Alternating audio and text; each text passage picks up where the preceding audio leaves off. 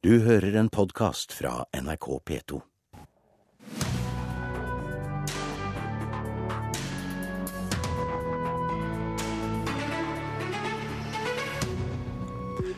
Zombier og datahackere er den nye trusselen i spill, film og TV-serier. Også krisen i Ukraina og trusselen fra Russland kan prege populærkulturen fremover, mener filmviter. I Tyskland, nei, unnskyld, I Kina vokser det frem en generasjon kunstnere med større frihet enn tidligere, hevder lederen av en stor kunstutstilling i Tyskland. Og Fredagspanelet diskuterer i dag minnested, barnslige museer og omdømmebom i Bergen.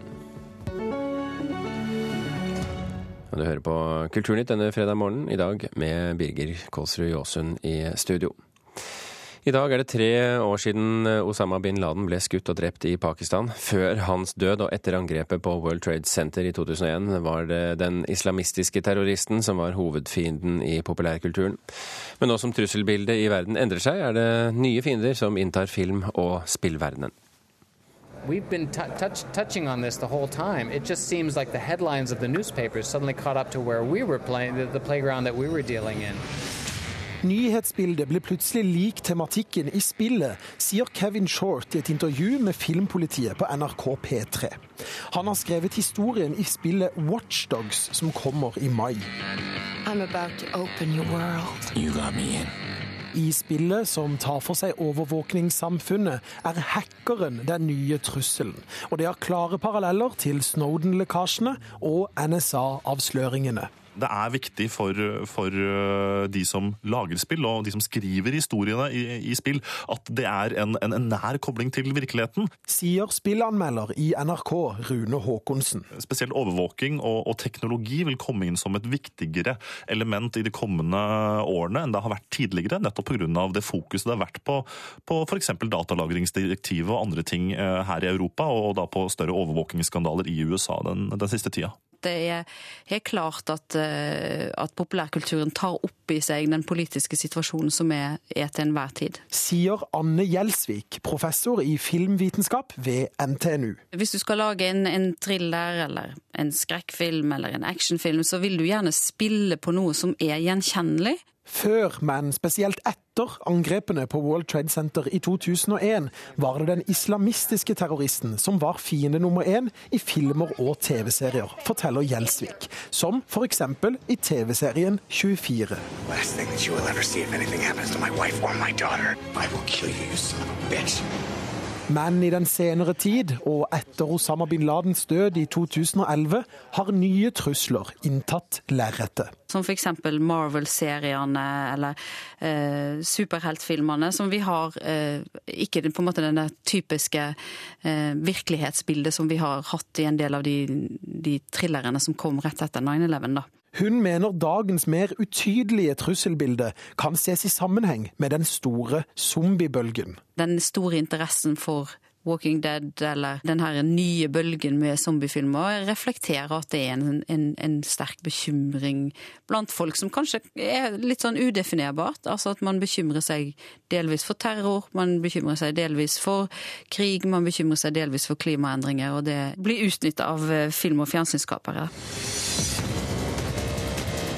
Håkonsen, som bekrefter at den klassiske terroristen som skurk også er på vei ut i spill, nevner flere eksempler på nye typer trusler. I serien Battlefield, som er laga av svenske Dice, hvor de da i sitt nyeste spill, Battlefield 4, som kom i fjor Blant annet fokusert på Kina som en, som en kommende og, og, økende stormakt i verden. Og hva gjør vi hvis Kina plutselig blir den dominerende, eller ønsker å være den dominerende makten på, på verdensscenen? Gjelsvik tror også dagens situasjon i Ukraina og trusselen fra Russland kan påvirke populærkulturen fremover. Den tanken om en, en østeuropeisk diktator, f.eks. Tanken om terrorgrupper som rykker inn i andre land, tanken om eh, borgerkrigslignende situasjoner. Det tenker jeg er typiske eh, situasjoner som, som, som, vi nok vil se eksempler for kan dukke opp i, i, i film og fjernsyn. Det sa Anne Gjelsvik til reporter Christian Ingebrigtsen.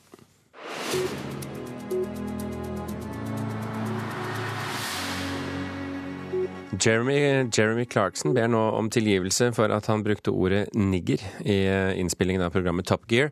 Programlederen skulle sitere en gammel regle som inneholdt nettopp dette ordet, og klippet ble tatt bort i redigeringen og ikke sendt. Og selv om Clarkson lenge nektet for at han hadde sagt ordet, så sier han nå at han gjorde sitt ypperste for å unngå å si dette ordet.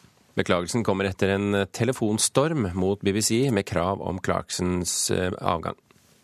Please be assured I did everything in my power to not use that word. And that I'm sitting here begging your forgiveness for the fact that obviously my efforts weren't quite good enough. Den amerikanske nettbutikken Amazon eh, kan snart komme i norsk utgave. Den norske e-bokdistributøren eBok Norden er i dialog med Amazon for å få til en norsk versjon. Det skriver bransjebladet Bok og Samfunn. E-bok Norden distribuerer bøker for over 160 norske, svenske og danske forlag, dog ikke de tre store norske forlagene Aschehoug, Gyldendal og Cappelen Dam.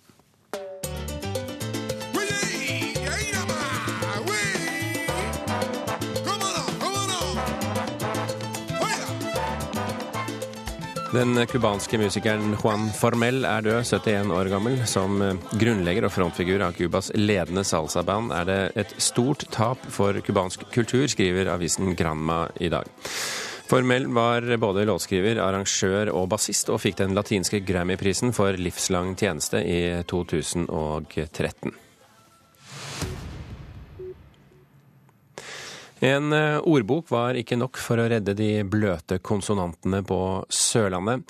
B, D og G-forkjemperne vurderer nå både dyreleksikon, barnebøker, språkpris og sivil ulydighet for å få sørlendingene til å si vig og abe istedenfor vik og ape. Forskerne viser at eh, de blaute konsonantene på sørlandskysten holder på å forsvinne.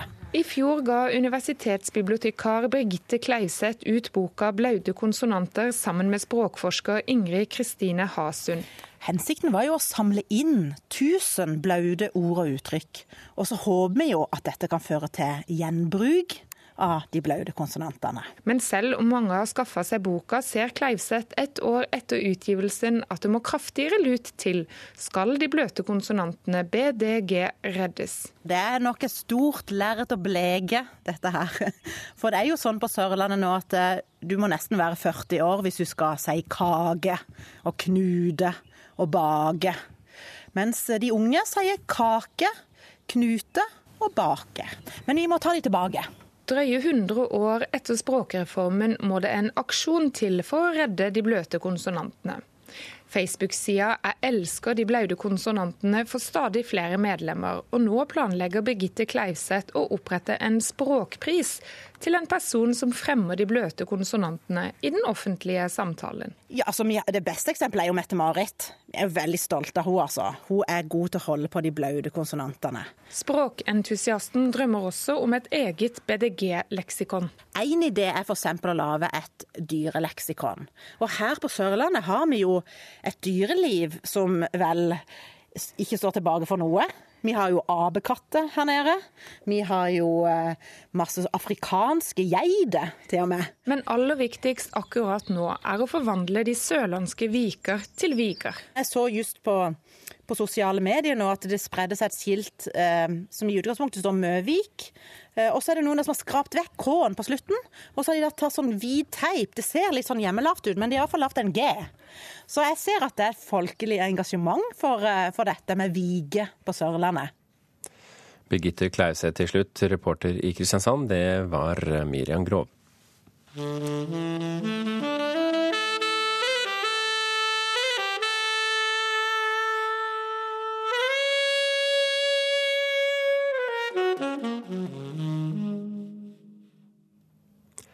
Her hører du 'Lion' av Marius Nerseth, en av eh, to norske som er nominert til Nordisk råds musikkpris for 2014.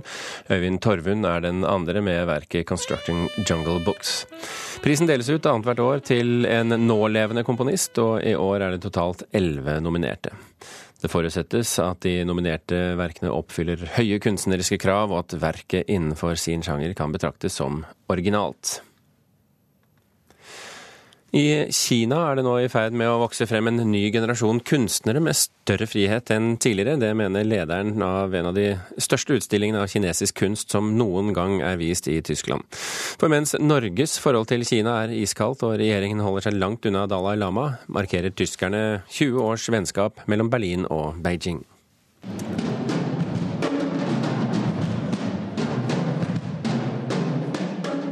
Heftige rytmer fra en tysk-kinesisk trommeduo markerer åpningen av jubileumsutstillingen her i Berlin. Berlins borgermester og Kinas Tysklands ambassadør er blant flere hundre inviterte når utstillingen åpnes i en enorm tidligere industrihall i Berlin-bydelen Wedding. Dette er en helt spesiell anledning, sier prosjektleder Jiang Yu. Wir sind heute Abend hier Zeitzeugen einer der größten dere er vitner til den største utstilling av kinesisk samtidskunst her i Berlin. De mer enn 20 kunstnerne er blant de mest spennende i Kinas hovedstad Beijing, og de gir dere et tverrsnitt av det som skjer innen moderne kunst i dagens Kina, sier prosjektlederen.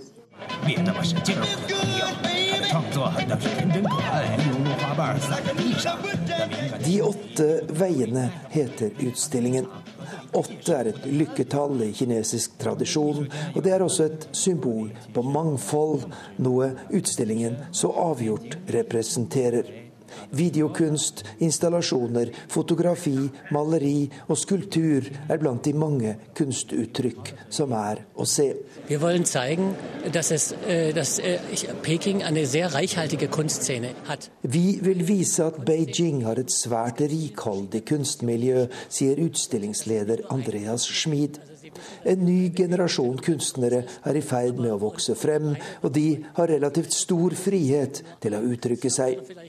Alle kunstinteresserte i Vesten kjenner giganten Ai Weiwei, men kinesisk samtidskunst er mye, mye mer, og det mener jeg vi får frem her, sier kuratoren.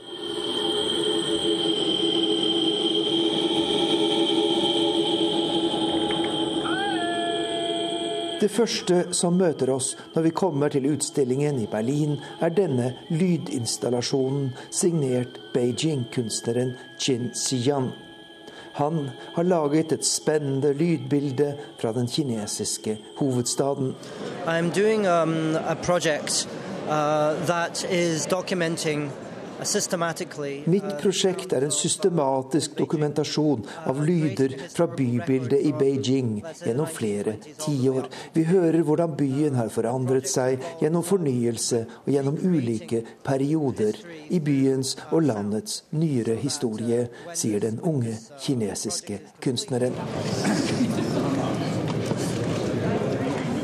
Utstillingen her i Berlin markerer 20 års samarbeid mellom vennskapsbyene Berlin og Beijing.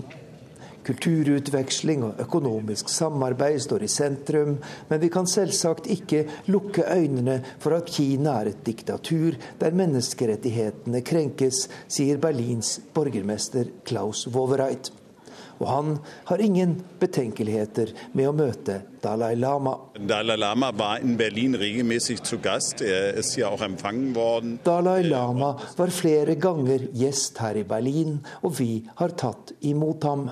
Men andre får gjøre sine valg, sier Berlins overborgermester til NRK. Og vår mann i Berlin, Arnt Stefansen. Klokken er 17 eh, minutter over åtte. Du hører på Kulturnytt, og her er overskriften i Dagsnytt akkurat nå.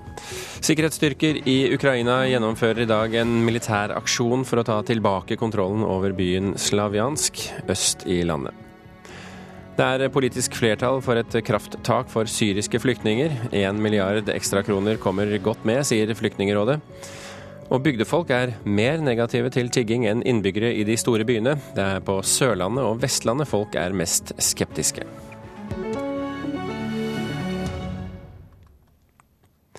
I januar var det ingen andre saker som hadde større plass i media enn storbrannen i Lærdal. 19.1 brant over 40 bygninger ned til grunnen, og vel 70 mennesker mistet hjemmene sine på Lærdalsøyri. Bare i januar var det skrevet 4000 artikler som handlet om Lærdal, bare på norske nettsteder og i norske aviser. Jeg sjekka litt på eh, dette med eh, hvor stor medietrykket var på Lærdal eh, dagene og ukene etter brannen. Ehm, og, eh, og, da viser det seg det at eh, når det gjelder artikler på nett eh, om Lærdal, i hele januar så var det over 4000 artikler. Odd Helge Brugran viser ordfører Jan Geir Solheim i Lærdal ei liste som viser tall på hvor stor mediedekninga av Lærdalsbrannen var i januar. TV og radio kommer i tillegg, da?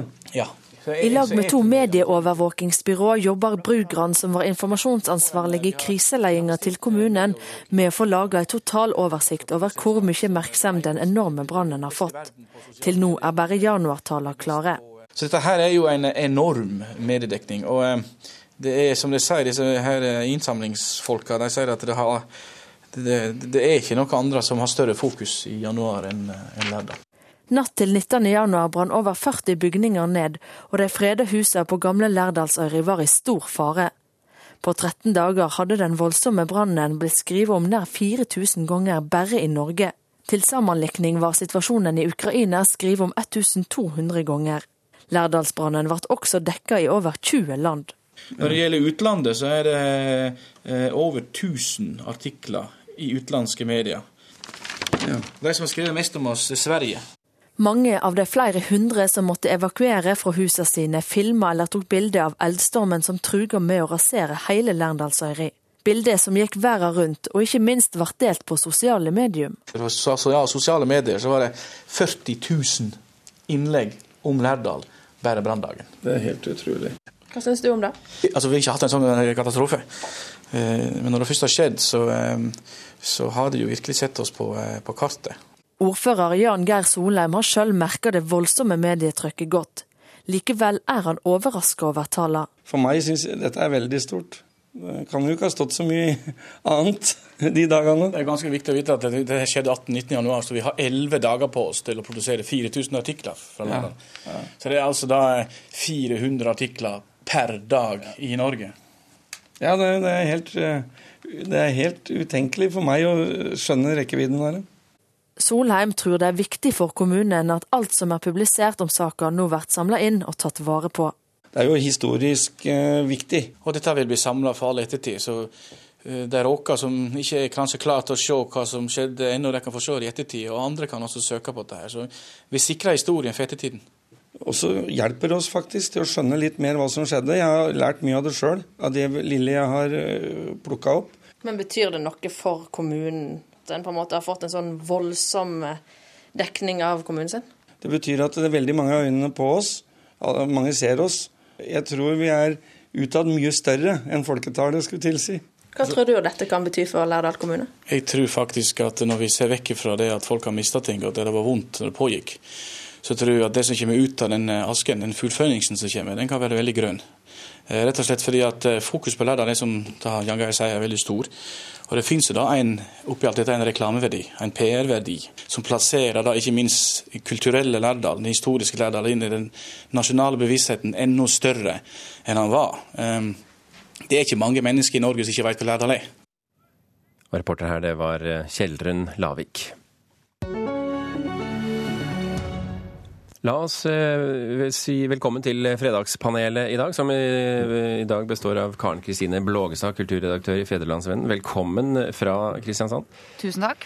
Og Audun Molde, førstelektor ved NIS og BI. Eh, velkommen til deg. Tusen takk. Og hvor er panelets siste deltaker i dag? Fanget i virvelvinden mellom familieliv, transport, barnehage og generell tidskonsumsjon. Vi klarer oss med to i dag og går til første spørsmål.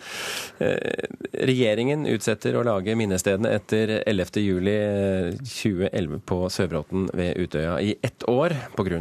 naboenes protester. Og vårt litt skarpe spørsmål er er det noen få naboer som skal få bestemme hvor og hvordan nasjonens minnested skal være, Blågestad? Nei. Molde? Nei. Ingen sympati her, altså. Vil du utdype litt, Blågestad? Eh, det er ikke riktig at det ikke er noe sympati, for det er det. Altså, jeg skjønner jo at det er vondt å skulle leve med dette i all framtid, men eh, sånn er det. Sånn skjedde det, og det må en bare akseptere. Men jeg synes jo saken og den terroren er større enn akkurat Sør-Bråten og Hole kommune og naboene der. Måte. Stor sympati her også. Eh, altså, mine helter 22. og 23. juli var jo naboene og campinggjestene som dro ut med båtene sine og redda liv. Eh, og jeg skjønner veldig godt at de føler seg tilsidesatt i den prosessen som har vært. Sånn, sånn som det har blitt nå, syns jeg det er riktig å utsette det. Eh, men jeg håper jo det blir en dialog hvor eh, alle parter kan bli fornøyd til slutt, og at også naboene kan se på dette som et minnesmerke som gjelder de, og den innsatsen som de gjorde den dagen. Har du en løsning på konflikten? Ja, jeg har en løsning på, på konflikten. Og det er at jeg kan ikke helt skjønne hvorfor ikke det minnesmerket, som jeg syns er veldig flott, at ikke det kan stå ved Torbjørnkaia. Altså Der hvor man kjører ned for å ta ferja Torbjørn over til Utøya, det er et skjerma område. Ingen innsyn fra naboer. Og det er det stedet som du aktivt må dra hvis du skal over til Utøya. Så, så, men, men, snakker du da om å flytte et minnesmerke og gjøre det annerledes, eller det, kutte altså, i noe landskap der også? Kutte i landskap der også, så bruke den samme ideen, da, men gi den en kunstnerisk utforming i fjellet ved Torbjørnkaia. Der er det fjell og fullt mulig å realisere det samme konseptet som kunstneren har gjort. Hva syns du om den løsningen, Blågestad? Nei, Jeg er jo veldig redd for at den skal begynne akkurat sånn som han eh, sier nå, at den skal begynne å fire kompromisse og finne andre løsninger og liksom gnikte litt til det kunstverket som eh, er foreslått. For det er et fantastisk, et fantastisk minnemerke og en veldig god idé. Dette såret i landskapet som er så rått og brutalt, og med dette, denne steinen som også skal flyttes til regjeringskvartalet, sånn, syns jeg er helt eh, genialt kunstprosjekt, rett og slett. Ja, men du mister ingenting av det. for selve konseptet kan du beholde eh, i landskapet ved Torbjørnkaia. Hvis du har vært der, så, så, kan jeg ikke skjønne at det vil fungere noe dårligere der. Vi, jeg er enig i at konseptet er veldig bra. Vi, vi kommer ikke til noen løsning her eh, i, i, dette øyeblikk, så vi spiller ballen videre til Koro. Vær så god, hvis dere lytter på. Flytt til Torbjørnkaia er forslaget her fra Fredagspanelet. Vi går til neste spørsmål. Det er eh, for mange tilrettelagte aktiviteter for barn på norske museer og for få for de voksne. Det mente en venstrepolitiker denne uken. Spørsmålet vårt er er norske museer for opptatt av små barn og for lite opptatt av unge voksne? Molde? Nei. Blågestad? Nei. Nei. Nei, nei, nei, nei. Dette er eh, en venstrepolitiker som har litt for god tid. Dette er eh, typisk ilandsproblematikk. Dette syns jeg var helt vanvittig utspill. Forklar. Nei, altså Det går jo ikke an å være mot barn. Det går ikke an å være mot at barn skal lære, eller at mot at barn skal gå på museum. De er jo i den eh, sterkeste og mest intense læringsfasen, så det er jo absolutt viktig å nå ut til de. Men utelukker du at uh, voksne kan føle det litt påtrengende med så mange barn hele tiden? Det skal i hvert fall ikke tas hensyn til, syns jeg. Altså Da kan du heller oppsøke kan vi Kanskje se på åpningstidene til museum. Skal de ha kveldsåpent, uh, en liten bar og smektende musikk? Skal en gjøre sånne tiltak? Jeg synes ikke man kan begynne å jobbe eh, for at barn skal være mindre på museum. Eller tilrettelegge det. Altså, et godt museum har jo gode tilbud både til barn og til voksne. Hva det? Jeg har gjort litt research. Eh, de siste to dagene har jeg vært i Trondheim og besøkt eh, intet mindre enn fire av byens museer. Og, og, ingen av de var sånn plagsomt godt tilrettelagt for barn, sånn at det gikk utover min opplevelse som voksen. da. Så jeg kan ikke helt skjønne eh, hva denne venstrepolitikeren egentlig mener. Og Dessuten så tenker jeg at barn er jo like fullverdige mennesker og fullverdige museumsgåere som voksne. Men altså, de bare støyer litt mer? Nei da, det gjør det ikke. Det bør være mer støy på museer. Hvis de gjør det, så er det bare bra. Jeg syns det virket mer som han tenkte at, eh, at det, var, litt sånn barnslig. Det var litt sånn hvorfor skal de ha det så gøy, og ikke vi? Sånn syns jeg det utspillet var. Barn fortjener gode museer. ok. Ingen sympati her. Her Nei. kan vi si at det ikke var noen sympati. Ingen sympati. Absolutt. Nei, absolutt ikke. Ok.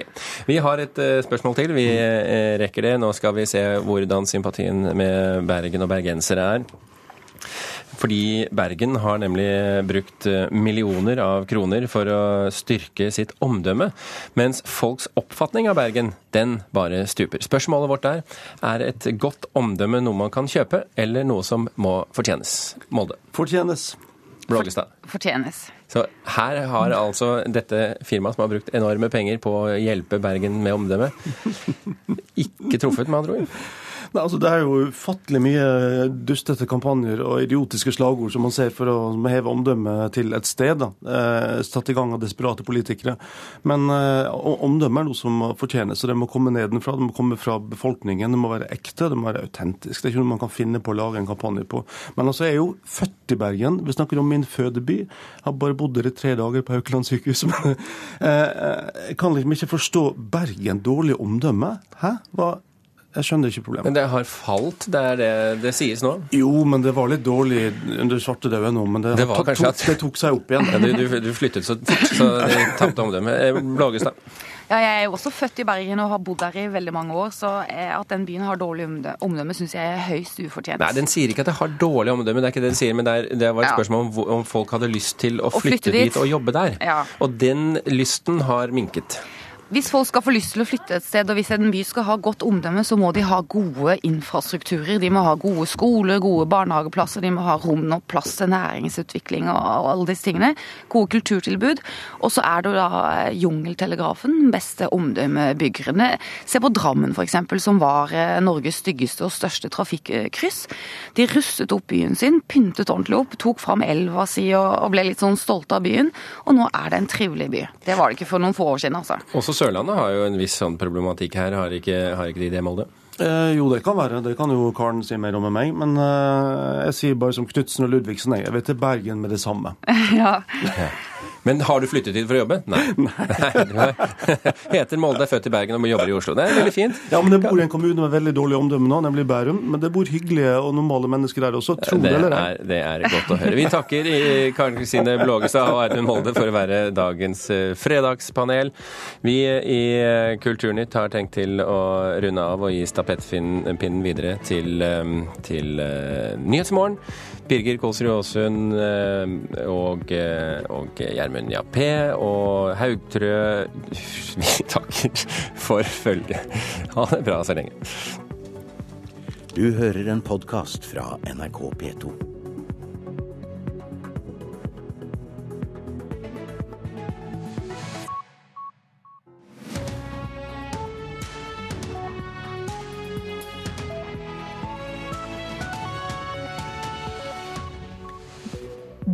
Hører på Nyhetsmorgen. Klokka er 8.30. Hovedsaker hos oss nå. Situasjonen er svært spent i den øst-ukrainske byen Slavjansk. Et helikopter er skutt ned av prorussiske separatister i dag tidlig. I Nord-Irland er det frykt for at gamle konflikter blir vektet til live igjen etter pågripinga av Sinn Féin-leder Jerry Adams. Og her hjemme er bygdefolk langt mer skeptiske til tigging enn folk i byene. De mest negative bor på Sørlandet og Vestlandet.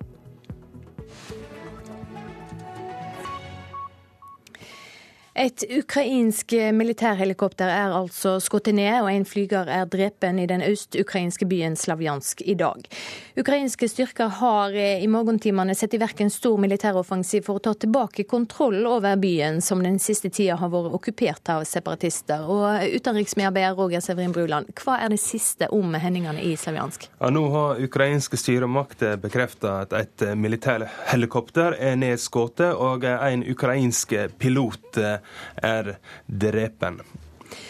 Hva reaksjoner har kommet på aksjonen i dag? Eh, I russisk media har det vært en uh, toppsaken. De har sagt at uh, nå stormer ukrainske militære denne her byen Slaviansk, og målet deres er å utslette byen og beboerne deres. Så det har vært en veldig sånn frykt og, og sensasjonalisme der. Fra mer nøytrale reportere på bakken så har de sagt det har vært snakk om en, en målretta aksjon mot separatister, eh, der eh, separatistene da har eh, svart med å fyre opp bildekk, da, så det ligger et tjukt lag av, av røyk der.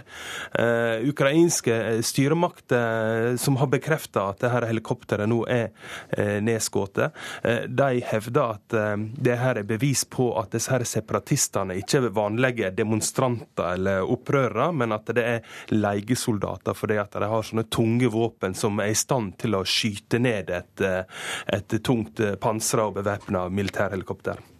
Vet vi om situasjonen er avklart nå? Nei, det er den absolutt ikke. Det er fordi at versjonene vi får fra ukrainsk og russisk side er så forskjellige. Eh, fra separatistenes side så blir det jo hevda at tre militærhelikoptre er nedskutt, og at de har tatt en pilot til fange. Og det har blitt vist på sosiale medier bilder av det som skal være en pilot. Det her er helt uh, ubekrefta, så vi vet jo ikke hva som har skjedd. Men uh, det vi har fått på det rene, er jo at ukrainsk militær militæret nå prøver å ta tilbake litt av kontrollen over Sørøst-Ukraina, der en eh, dag for dag ser at eh, offentlige bygg og politistasjoner blir okkupert av eh, såkalte separatister.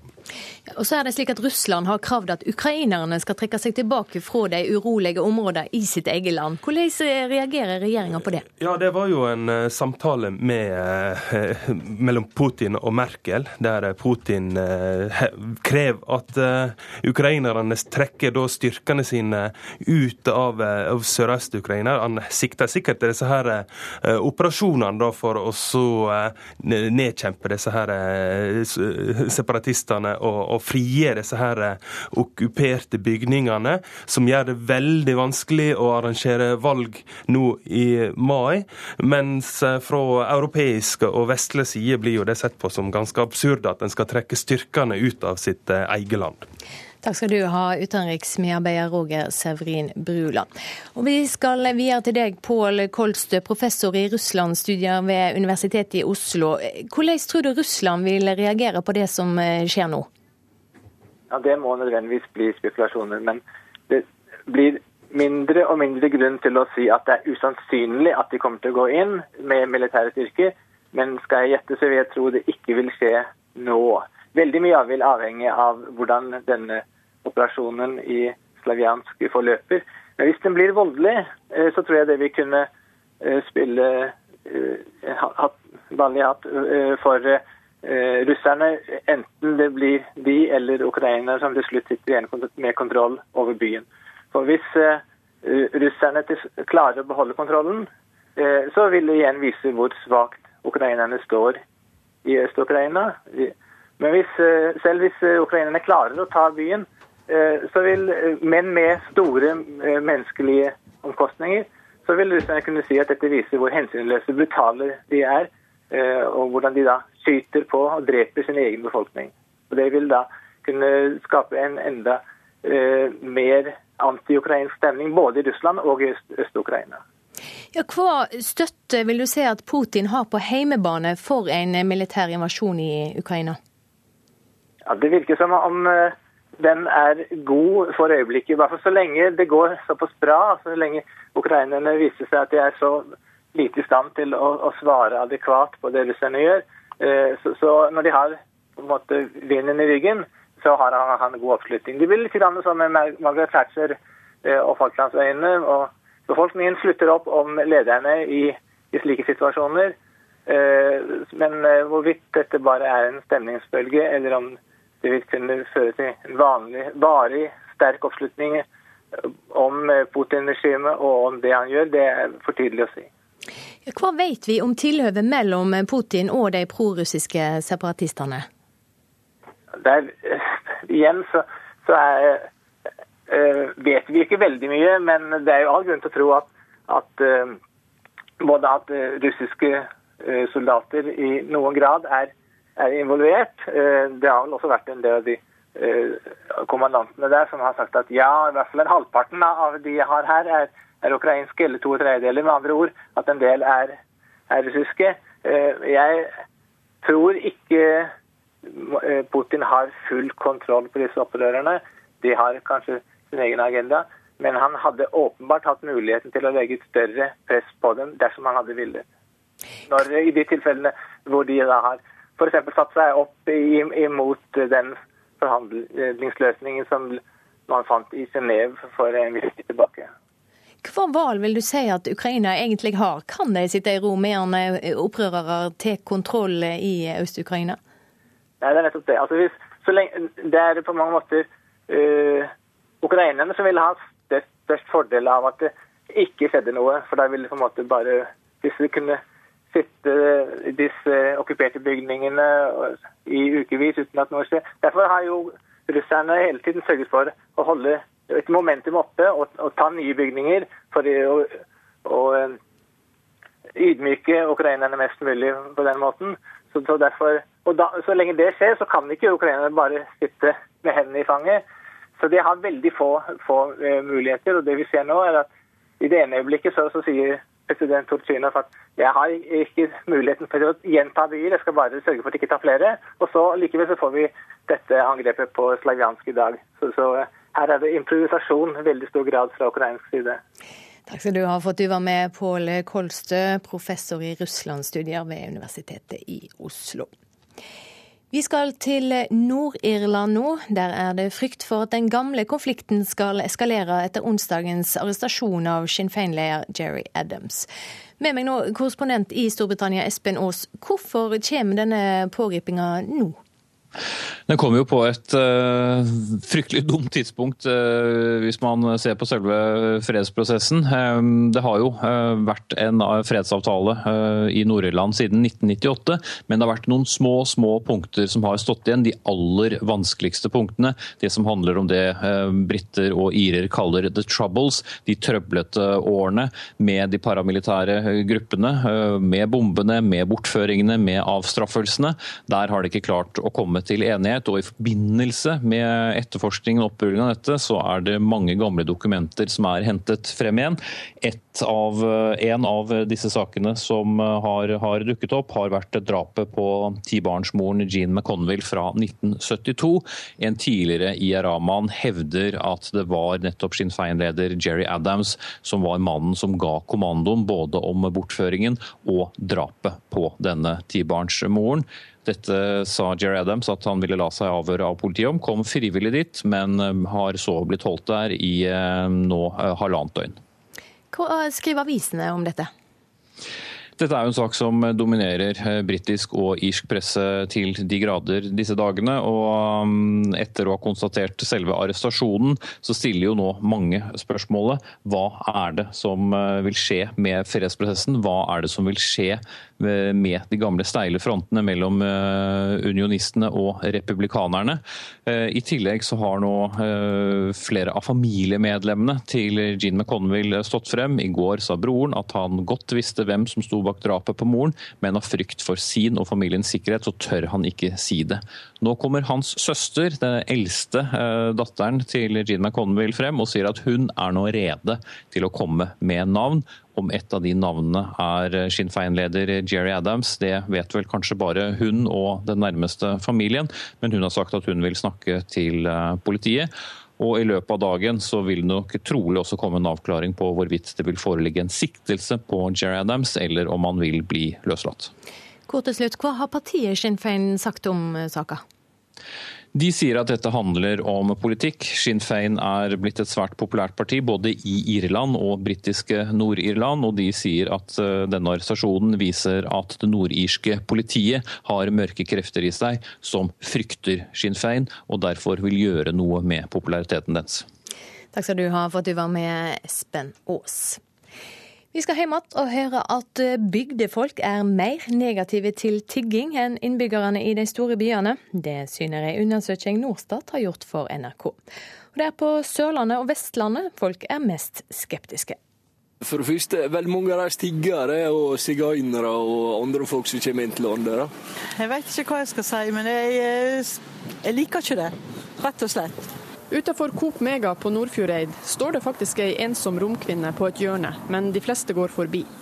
Tettstedet Nordfjordeid har rundt 3000 innbyggere, og ifølge en ny undersøkelse fra Norstat er det flere som er negative til tigging på småsteder enn i byer med mer enn 50 000 innbyggere.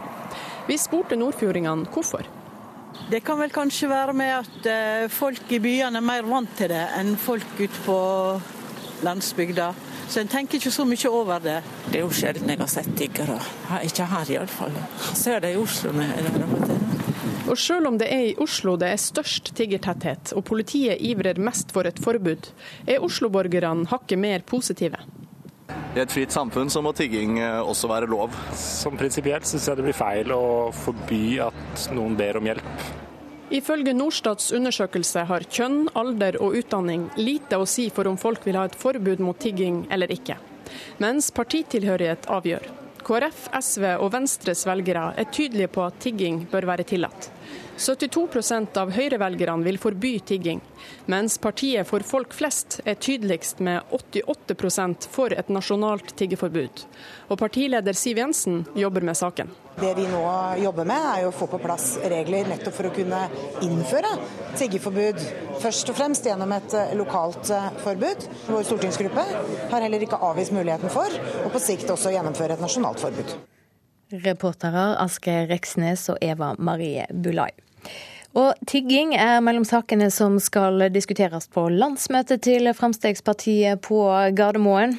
Det er første gang partileder Siv Jensen holder tale medan partiet hennes sitter i regjering, og på spørsmål om hva nederlag som har smerta mest i regjering, svarer hun jeg tror ikke vi syns det var særlig, særlig, stas å nok en gang utsette konsekvensutredning i Lofoten og Vesterålen. Eh, vi hadde en hard valgkamp på det spørsmålet, men eh, dessverre ble det slik. Eh, så erkjenner jo vi at vi gjerne skulle sett en bompengepolitikk som så litt annerledes ut enn den vi nå regjerer på. Men samtidig så får vi jo til utrolig mye i samferdselspolitikken. Så det er jo en, hva skal vi si, en, en både glede og litt eh, sorg i det spørsmålet. Og så er hun ekstra spent på noen av sakene som skal opp på landsmøtet. Et sånt spørsmål er f.eks. om det skal avholdes et eh, OL i eh, de neste årene i Norge. Og Det tipper jeg at mange mennesker har sterke meninger om, og også i Fremskrittspartiet er det nok delte meninger om det. I Politisk kvarter i dag ble hun spurt hva hun sjøl mener om saken. Jeg stemte eh, nei eh, under folkeavstemningen. Jeg hadde bare håpet at hele landet kunne deltatt i den folkeavstemningen, for da hadde vi visst hvordan det norske folk stilte seg til, slik, eh, til et slikt spørsmål. Nå blir det opp til politiske myndigheter, regjering og storting å avgjøre dette. Og da er det viktig at de politiske partiene gir sine signaler. Men så er det noen sentrale personer i Frp som ikke kommer på landsmøtet denne helga. En av dem er Christian Tybring-Gjedde. Han har spurt om å bli fristilt i alle spørsmål som gjelder innvandring. Fordi han er svært misfornøyd med samarbeidsavtalen om innvandring med KrF og Venstre. Men han fikk nei fra partiledelsen. Hvorfor det? Fordi det er eh, vårt landsmøte gjennom eh, partiprogram og ikke minst det faktum at landsstyret enstemmig har sluttet seg til den plattformen vi regjerer på, som legger premissene for hvordan vår stortingsgruppe skal opptre. Så mener jeg at han rett og slett har misforstått. Dette er en betydelig innstramming i asyl- og innvandringspolitikken vi har eh, fremforhandlet med de andre partiene. Kommer Siv Jensen til å savne han i helga? Jeg håper jo at alle som er delegater til Fremskrittspartiets landsmøte finner tid og anledning til å være her, men så registrerer jeg at det er enkelte hvor det har kommet ting i veien. Ja, Det sa Siv Jensen, reporter Eva Marie Bulai. Du hører på Nyhetsmorgen. Klokka har så vidt passert 8.45, og dette er hovedsaker hos oss i dag. Situasjonen er svært spent i den øst-ukrainske byen Slavjansk. Et helikopter er skutt ned av prorussiske separatister i dag tidlig. Det er tre år siden Osama bin Laden ble drept. Vi skal se på hva som har skjedd med Al Qaida i tida etterpå. Og dersom du mister jobben, bør du få tilbud om psykologhjelp. Framlegget kommer fra Høyre-representanter på Stortinget.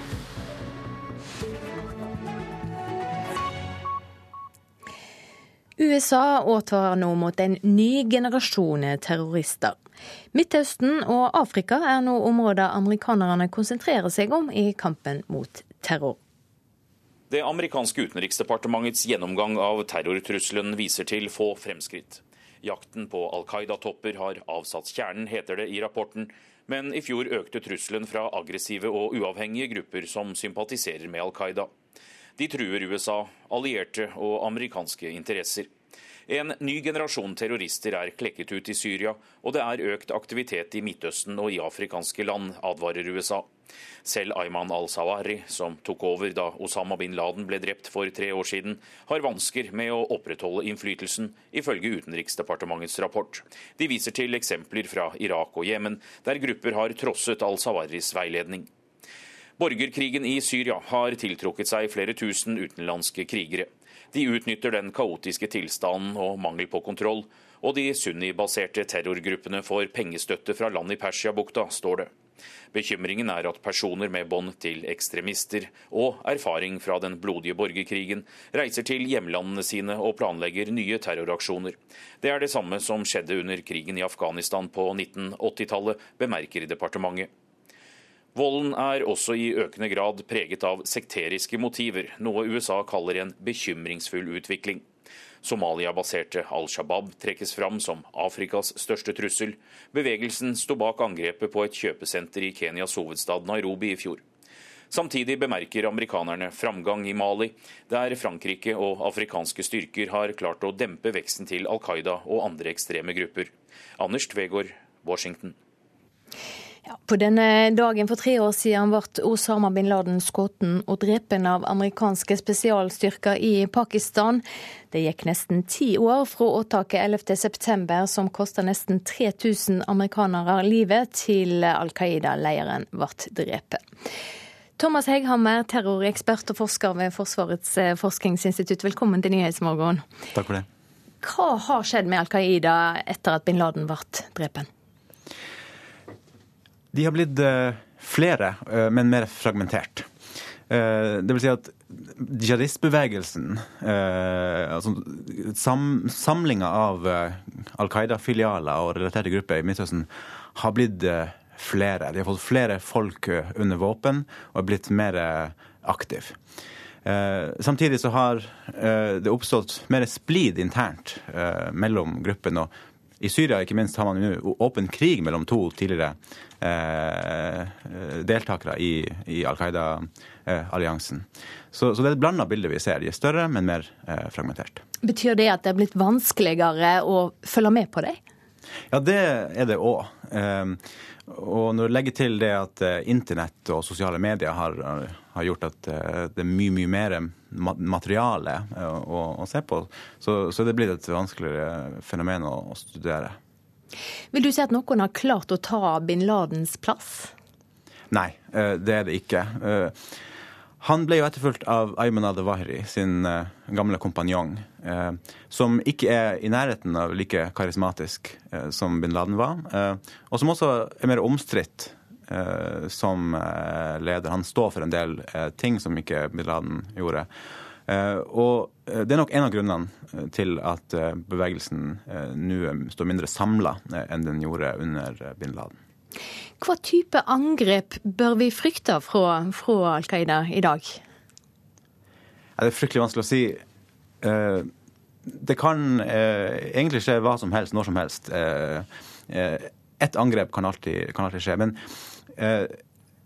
jeg og andre tviler på at man vil få en kampanje av flere uh, store uh, angrep. Til det er uh, Al Qaida for svak. Vil si altså moderorganisasjonen i Pakistan den er for svak til å gjennomføre flere store angrep. Og filialene i regionen de ønsker ikke i dag å gjennomføre store aksjoner i, i, i Vesten. De har en lokal agenda og tør ikke eh, å gjennomføre aksjoner i Vesten av frykt for represalier fra bl.a. USA. Så aksjoner som den 11. september eh, er det mindre grunn til å frykte? Ja, jeg tror nok det. Eh, I hvert fall aksjoner av den størrelsen. Men relativt store aksjoner som er litt mindre enn det, kan skje. Takk skal du ha for at du kom til oss i Nyhetsmorgen, Thomas Hegghammer, terrorekspert og forsker ved Forsvarets forskningsinstitutt. Folk som mister jobben, bør få tilbud om psykologhjelp dersom de ønsker det. Det foreslår to stortingsrepresentanter fra Høyre. Psykologforeninga mener det er feil å skreddersy et tilbud til mennesker som plutselig står uten jobb, men helsepolitiker Tone Truen sier at det å bli arbeidsløs kan være så alvorlig at psykolog kan være nødsynt. Det å være på jobb er en viktig del av fellesskapet i livet. For noen er det jo en utrygg økonomi som man går, eh, går inn i.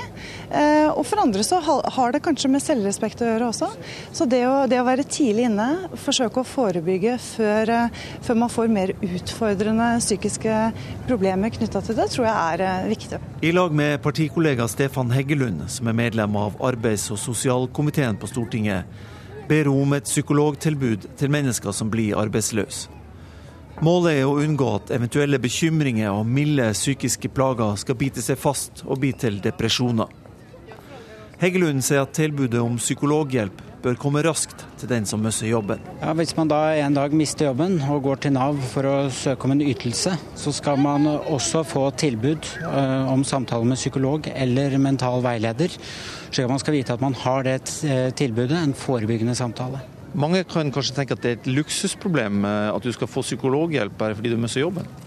Ja, det syns jeg ikke når man ser på faktaene rundt dette. Altså, Folk som går arbeidsledige har mye høyere risiko for å få psykiske plager som angst og depresjon.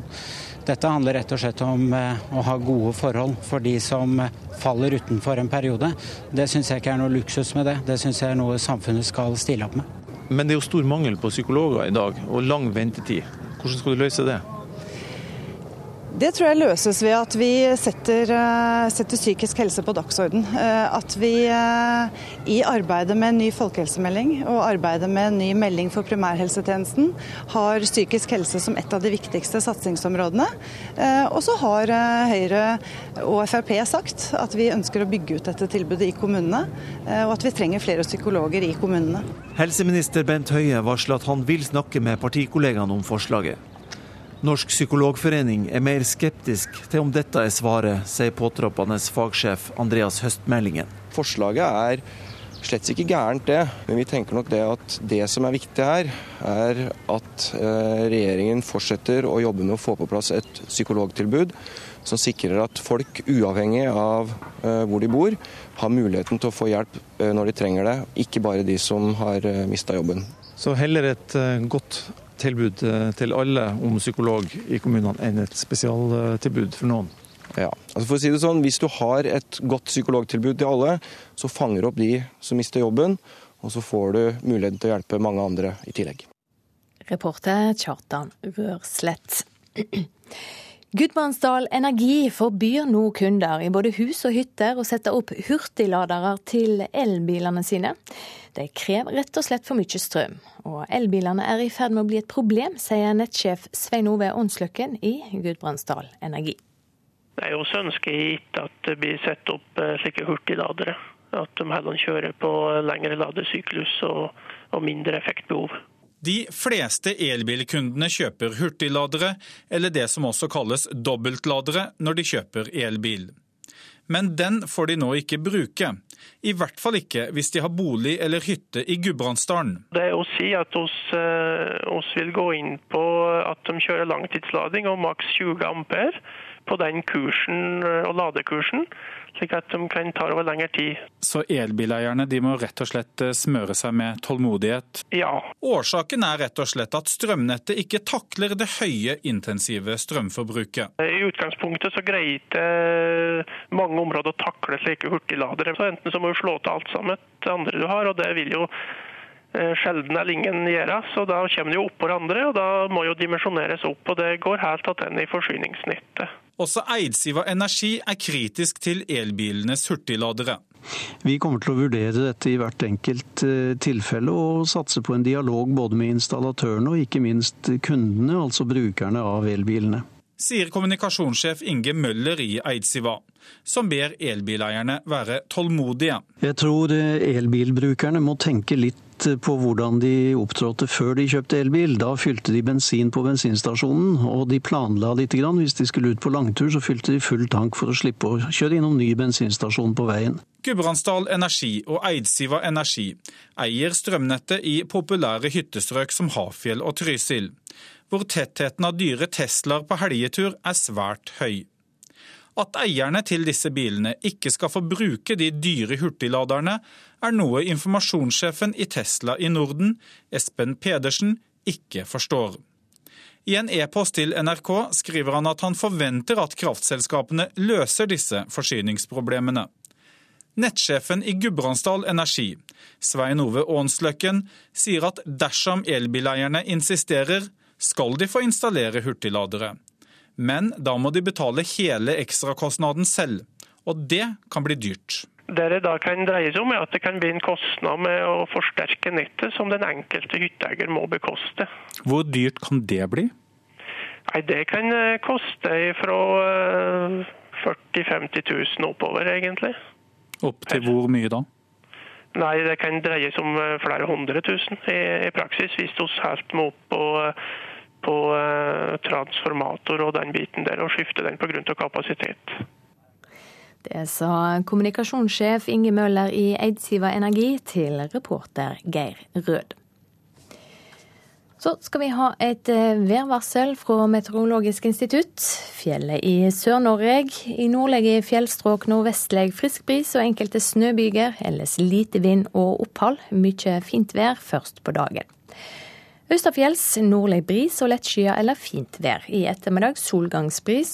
Noe mer skyer, men stort sett opphold. Vestlandet sør for Stad nordlig bris, frisk bris på kysten. I ettermiddag nordvest liten kuling sør for Feie. Stort sett fint vær, i kveld tilskyende i nord. Møre og Romsdal nordvest bris, periodevis frisk bris. Enkelte sludd- og snøbyger, til dels regnbyger på kysten. Nordland og Trøndelag får nordvest frisk bris, periodevis liten kuling på kysten fra Helgeland og sørover. Sludd- og snøbyger, men gløtt av sol. Troms og Finnmark skiftende bris, i Troms av og til frisk bris. Perioder med snøbyger, men i indre og østlige strøk. Lange perioder med opphold og sol. Nordensjøland på Spitsbergen får østlig bris, av og til frisk bris, skyer eller delvis skyer, og muligens enkelte snøbyger. Så har vi temperaturlista. Det ble målt klokka sju i dag tidlig. Svalbard lufthavn minus åtte. Kirkenes minus én. Vardø minus én. Alta minus én. Tromsø-Langnes null. Bodø pluss to. Brønnøysund pluss tre. Trondheim-Værnes pluss tre. Molde pluss to. Bergen-Flesland pluss tre. Stavanger pluss fire. Kristiansand-Kjevik pluss én. Det hadde også Gardermoen. Lillehammer null grader. Røros minus én. Og Oslo-Blindern hadde pluss tre grader. Ansvarlig for nyhetssendingene fra Dagsnytt-redaksjonen i dag, Arne Fossland. Produsent for Nyhetsmorgen har vært Silje Katrine Bjarkøy. Teknisk ansvarlig Beate Haugtrø. Og programleder her i Nyhetsmorgen Silje Sande. Du har hørt en podkast fra NRK P2.